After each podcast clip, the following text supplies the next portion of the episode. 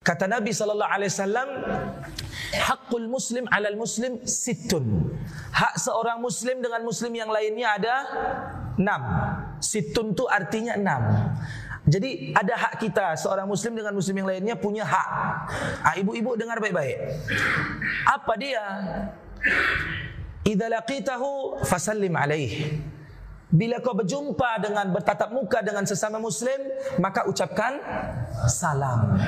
Ucapkan salam tu dengan semua orang muslim Ustaz.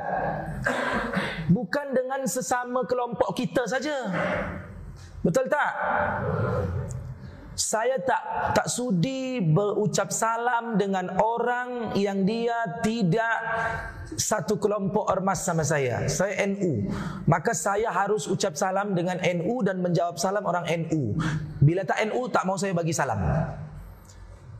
Datang yang Muhammadiyah, ah, saya tak mau bagi salam, tak mau saya jawab salam bila dia bukan orang Muhammadiyah. Harus orang Muhammadiyah.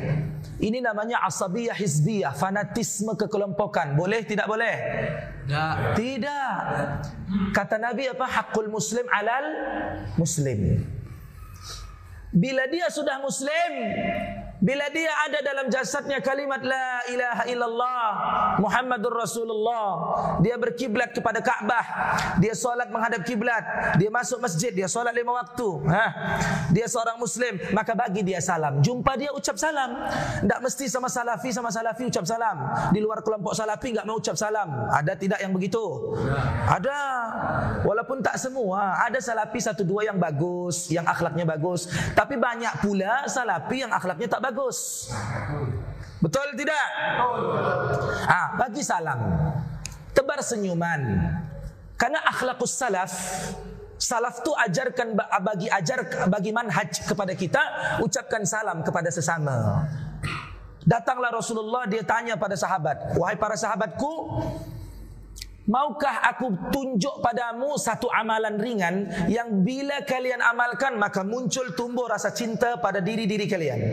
Qalu bala ya Rasulullah. Sahabat cakap, sahabat kata, eh, tentu ya Rasulullah. Apa dia? Kata Rasulullah, afshus salama bainakum. Afshus salama bainakum.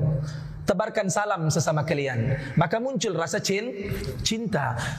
Menjadi Muslim tu tak hanya sekedar solat, solat, angguk-angguk, rukuk-rukuk, sujud. Tidak. Menjadi muslim itu ada dia hubungan horizontal, ada hubungan ver vertikal. Ada hubungan kita pada Allah Taala, ada hubungan kita pada sesa sesama manusia.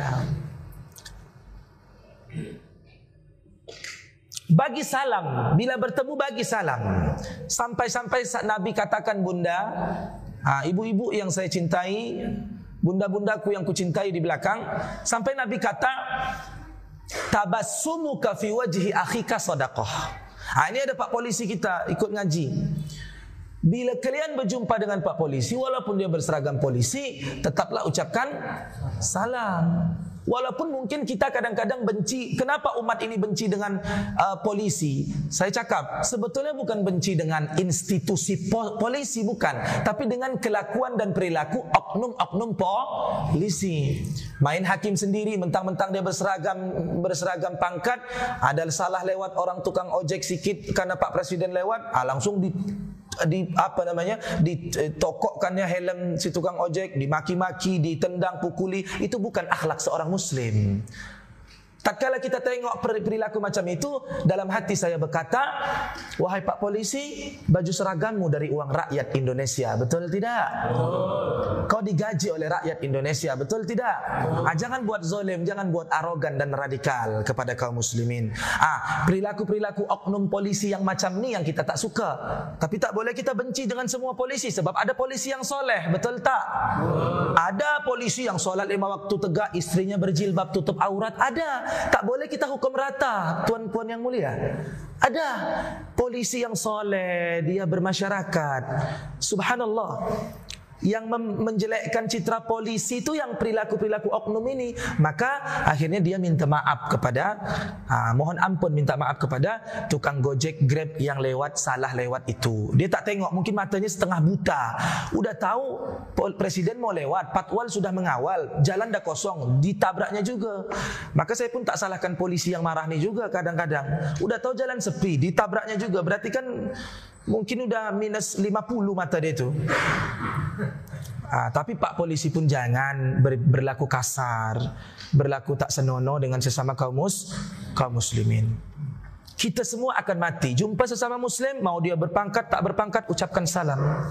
Itulah akhlaknya Rasulullah. Rasulullah. Belum selesai tuan. Baru satu saya nak bahas. Saya nak bahas enam. Idza laqitahu fasallim alaih. Bila kau berjumpa ucapkan sa salam. Pasti muncul rasa cinta. Coba lihat akhlak Rasulullah. Rasulullah ajarkan bagi manhaj kepada tetangganya namanya eh kepada sepupunya namanya Amr bin Al-As. Kata Rasulullah, "Wahai Amr bin Al-As, bila engkau istrimu masak di dapur, perbanyakkanlah kuahnya. Bagilah kepada tetanggamu yang Yahudi itu." Masya Allah. Cuba nak kita tengok. Yahudi Yahudi kafir tak kafir? Kafir. Jelas orang Yahudi kap Nasrani, Buddha, Hindu dalam konteks agama Islam. Ini bukan sara bukan. Saya ajar ini agama dalam rumah Allah, dalam masjid, dilindungi undang-undang. Saya bukan nak pergi sara. Dalam agama Islam orang kafir pasti tempatnya dalam neraka jahanam. Yahudi Nabi jaga akhlak. Ya Allah. Dalam bertetangga. Maksud ayat-ayat kita wajib keras kepada kepada kafir itu kafir-kafir yang memerangi kita, kafir-kafir yang menista agama kita seperti penista-penista agama di DKI Jakarta. Nah, itu kita wajib keras. Kafir-kafir yang menghina Islam, yang merongrong Islam, yang memerangi Islam, yang benci Islam, yang anti pada Islam. Nah, kita wajib keras sama mereka. Tapi kalau kafir-kafir yang dia tak ganggu kita, tak usir dia dari wilayah kita, dari bilik kita, maka kita wajib berlaku baik. Berlaku bir. Itu perintah Nabi, kata Amr, kata Rasulullah kepada Amr bin Al-As, buatkan makanan, perbanyak kuahnya bila istrimu masak bagi pada tetanggamu yang Yahudi itu. Rahmatan lil alamin. Akhlaknya Nabi Muhammad. Yang kedua kata Nabi, saya sengaja tak ngegas. Orang kan menunggu-nunggu saya ngegas. Memang itu yang dicari orang nih. Udah berapa titik kita ceramah? Lima Udah lima titik ngegas terus saya tuh. Lima titik ini Lima titik ini hadirlah orang tadi malam kami ke Labuhan. Ya Allah ribuan orang yang sambut kami. Sampai jam 12 masuk hotel jam 1 tidur. Enggak tidur sampai sekarang. Belum tidur hamba sekejap mata. Wallahi belum tidur. Kenapa belum tidur? Uh, sedang mengedit mengedit video memaki-maki Abu Janda Al Tololi untuk untuk dipiralkan. Ah, udah viral. Kalian tengoklah tu di YouTube, di Instagram ya. Yang tahu tahu kalau bapak-bapak kiai-kiai tuan-tuan guru kita yang tua-tua tak main Instagram ni, mana tahu dia terpelongo aja dari tadi. Karena tak main Instagram.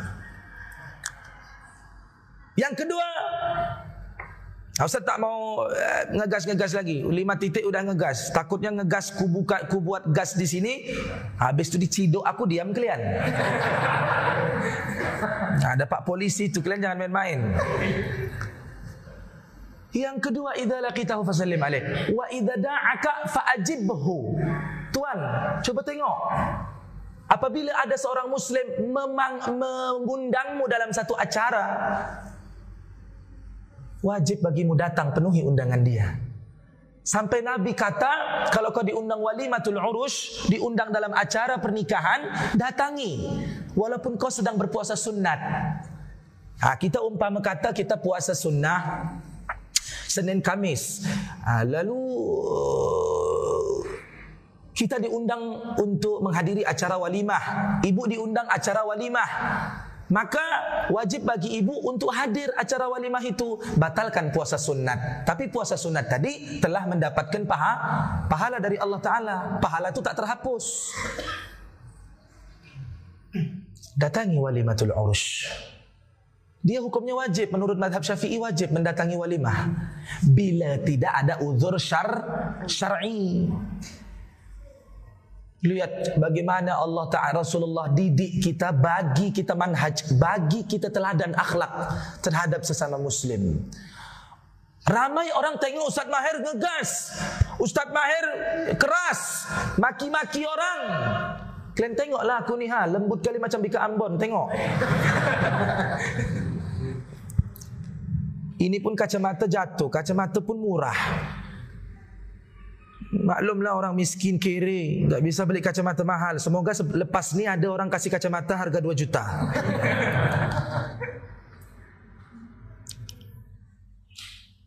Kalian betulkan dulu kacamata Ustaz ni. Mataku enggak nampak. Kata Nabi sallallahu alaihi wasallam, "Idza da'aka fa'ajibhu." Bila kau diundang datangi. Ya Allah. Akhlak bukan akhlak. Akhlak bukan. Akhlak. Datangi. Ya Allah. Hablum minan nas. Enam ini hablum minan nas. Coba tengok. Wa idza stansahaka fansahu. Ini yang ketiga. Bila dia orang muslim meminta kau nasihat fansahu maka nasihati dia datang orang kepada buya tuan eh, buya namanya siapa perlu hutan siregar Makjang Batak rupanya. Ya. Oh lo Horas. Eh Horas uh, Horas apa yang Ustaz cakap dalam Majua ya. Horas Majua Jua ya Hobu. Hami Mahirat Tuilibi. Pabotohon tu sasudena, sudaro-sudaro nami, nang adong di kota Medan, Dohat, Sumatera Utara. Eh, bisa cakap mendiling, cakap bata. Orang awak putra daerah cemana tak bisa. Ya ahad margahamu tuan guru. Siregar. Oh Siregar. Iyalah suaranya lantang Siregar. Enggak marah pun kayak gitu. Siregar. Kawin kita semua orang Sunda perempuan Sunda tiga bulan minta cerai. Karena tak sanggup dengan gaya awak.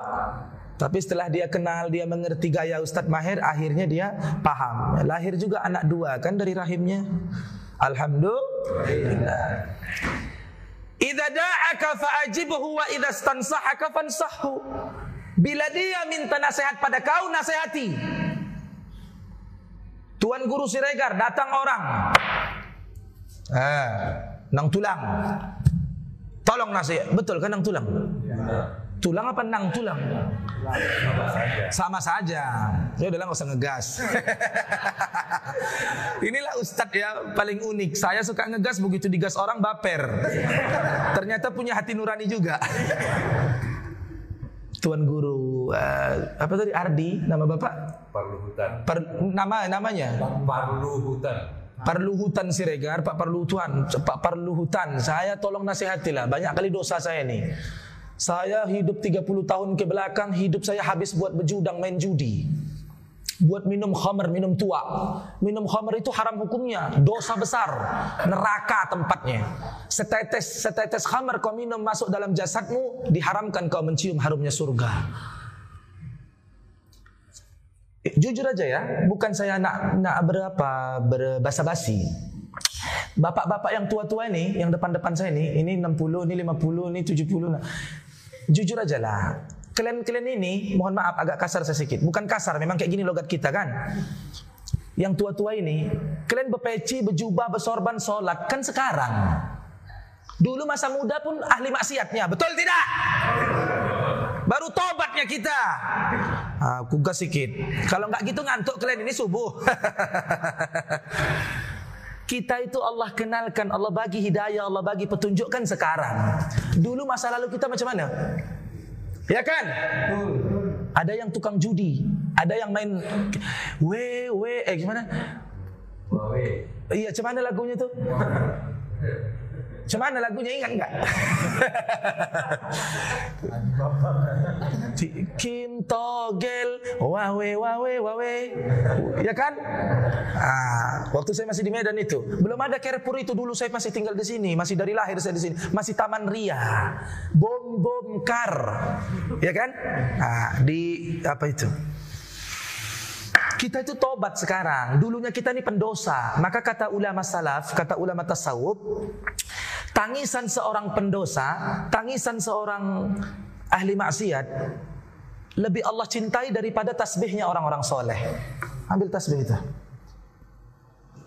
Itu pakai biji mata.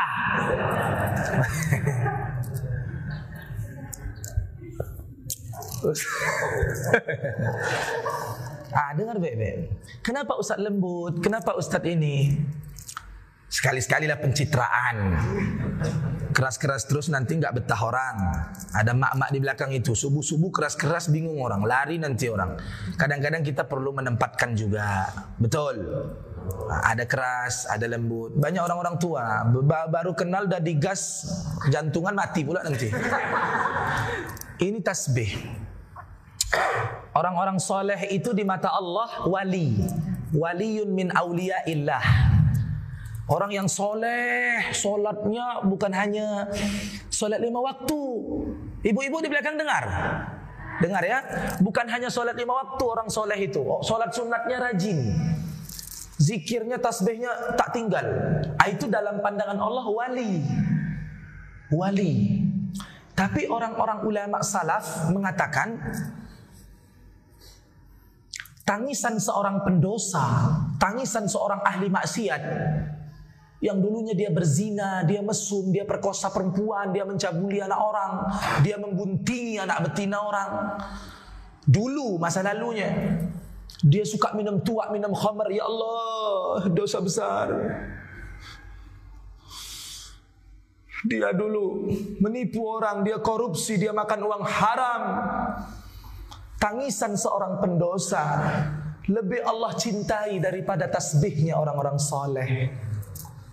Allah. Banyak kita istighfar kepada Allah, mohon ampun kepada Allah sebab dosa-dosa kita di masa lampau, tuan-tuan yang mulia. Banyak. Mungkin merinding awak, wallahi merinding awak. Mungkin amal soleh kita saat ini belum tentu bisa membayar surganya Allah. Alangkah banyaknya dosa kita, termasuk mahir tulibi.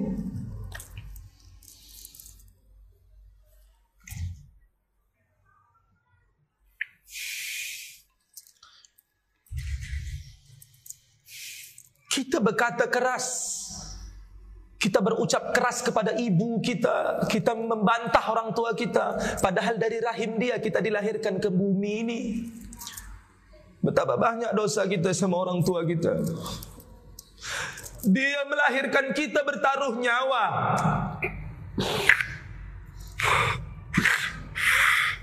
Ibu kita lahirkan kita bertaruh nyawa. Dua nyawa yang dia taruhkan Mempertahankan nyawa dia dan mempertahankan nyawa kita. Lalu begitu kita dewasa Kita sakiti hati ibu kita Kita bentak dia Kita buat ibu kita menangis. Ya Allah Belum tentu ustaz mampu menjadi orang yang soleh Hanya pandai berceramah Belum tentu mampu untuk amalkan. Banyak tak dosa kita di masa lampau? Ya Allah Dia lahirkan kita dari rahimnya. Dia sapi kita. Saya nak tengok isteri saya saat melahirkan. Anak saya dua Anak nomor dua Zaidan Al-Banna. Saat lahir prematur Tujuh bulan lahir Pendarahan tiga kali Banjir darah Saya tengok isteri saya dah pucat pasih Saya mertua semuanya telah pasrah Enggak ada lagi nyawa tapi Allah punya kuasa.